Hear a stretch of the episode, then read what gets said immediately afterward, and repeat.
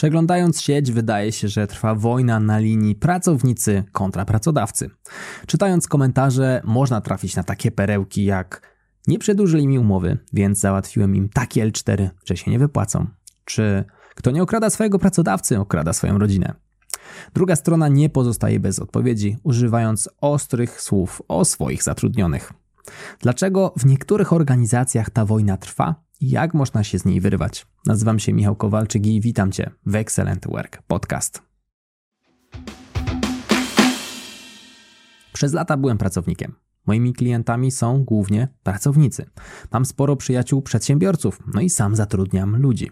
Pracowałem i fizycznie, magazyn, stacja paliw, masarnia, no i za biurkiem, Tesco czy Motorola. Miałem możliwość zaobserwowania wojny z różnych kątów i perspektyw.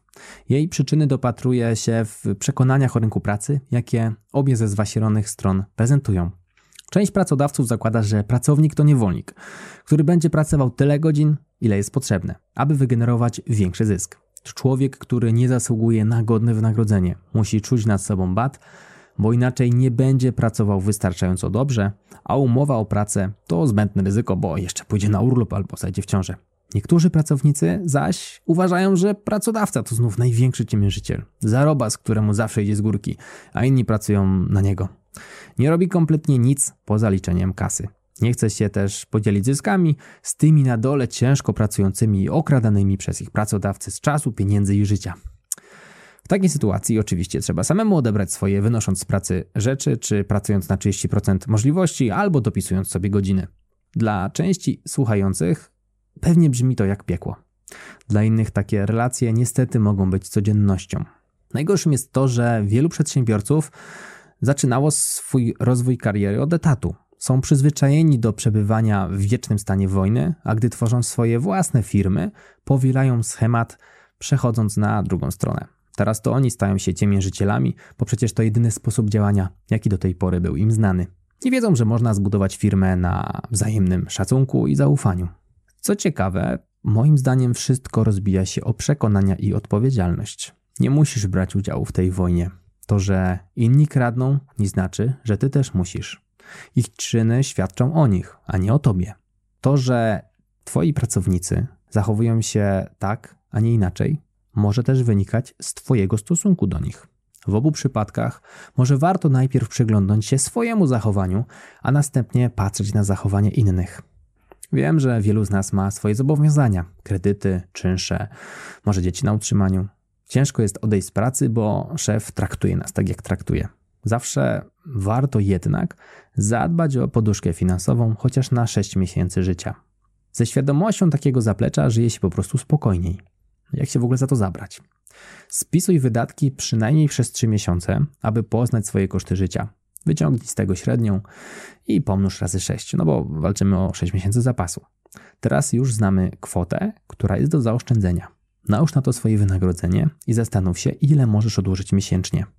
Często będzie trzeba sobie czegoś odmówić, aby dopiąć celu. Im mniej wydajesz miesięcznie, tym niższa będzie to kwota. Im więcej zarabiasz, tym łatwiej będzie ci odłożyć ile trzeba. Jesteś też teraz w stanie mniej więcej policzyć, ile zajmie Ci odłożenie pieniędzy na poduszkę finansową.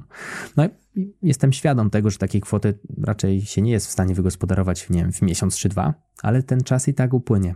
Naprawdę warto zadbać o to zabezpieczenie. Po co nam taki fundusz? W przypadku zwolnienia, nieszczęśliwego wypadku i innych wydarzeń życiowych zawsze mamy te 6 miesięcy zabezpieczenia. Jeśli jesteś w stanie i chcesz zwiększyć sobie bufor do 12 czy 18 miesięcy, to śmiało. Kolejnym plusem jest to, że mając poduszkę, możesz zająć się niematerialną częścią życia. Czyli zakładam, że praca we wspomnianej na początku tego odcinka relacji raczej wykańcza cię psychicznie. Ma to co najmniej kilka negatywnych skutków. Będziesz bardziej opryskliwy dla rodziny, będziesz mieć problemy z poczuciem pewności siebie, poczuciem własnej wartości. Im dłużej nasiąkasz taką atmosferą, tym ciężej będzie ci się z niej wyrwać. Twoje przekonania z czasem będą coraz bardziej dopasowywać się do Twojego otoczenia. Mając poduszkę finansową, czas coś zrobić z relacją Ty, Twój pracodawca. Pogadaj z nim szczerze. No nie atakuj go, zachowaj profesjonalizm w rozmowie, a przede wszystkim wysłuchaj jego argumentów. Jeśli okaże się, że no nie ma nadziei na poprawę, może pora na zmianę firmy. Nazywając rzeczy po imieniu, uciekaj stamtąd jak najszybciej, zanim staniesz się jednym z nich. W życiu naprawdę są ważniejsze rzeczy od kasy. Jeśli przesiągniesz toksyczną atmosferą, odbije się to na Twojej rodzinie i bliskich. No chociażby samo to jest już niedopuszczalne. Mam znajomego, który pracował w takiej atmosferze kilka lat. Niedawno założył własną organizację i gdy rozmawiamy o potencjalnym zatrudnieniu przez niego pracowników, podchodzi do tego z dużym dystansem oraz brakiem ufności. Czuć tutaj wpływ lat pracy w toksycznej organizacji. Nie dopuść do tej sytuacji. Wierzę, że po tym odcinku będziesz świadomiej patrzeć na to, co dzieje się w firmie, w której pracujesz.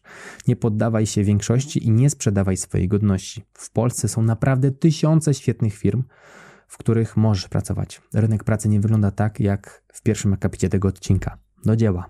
Jeśli chcesz nauczyć się Excel albo wybierać się na rozmowę o pracę, sprawdź kurs www.excelcv.pl. Link w opisie. A jeżeli podobał Ci się ten odcinek podcastu, wyślij go proszę do jednej osoby. Mówił dla Ciebie Michał Kowalczyk, a to był Excellent Work Podcast. Do zobaczenia lub do usłyszenia w kolejnym odcinku. Trzymaj się, hej!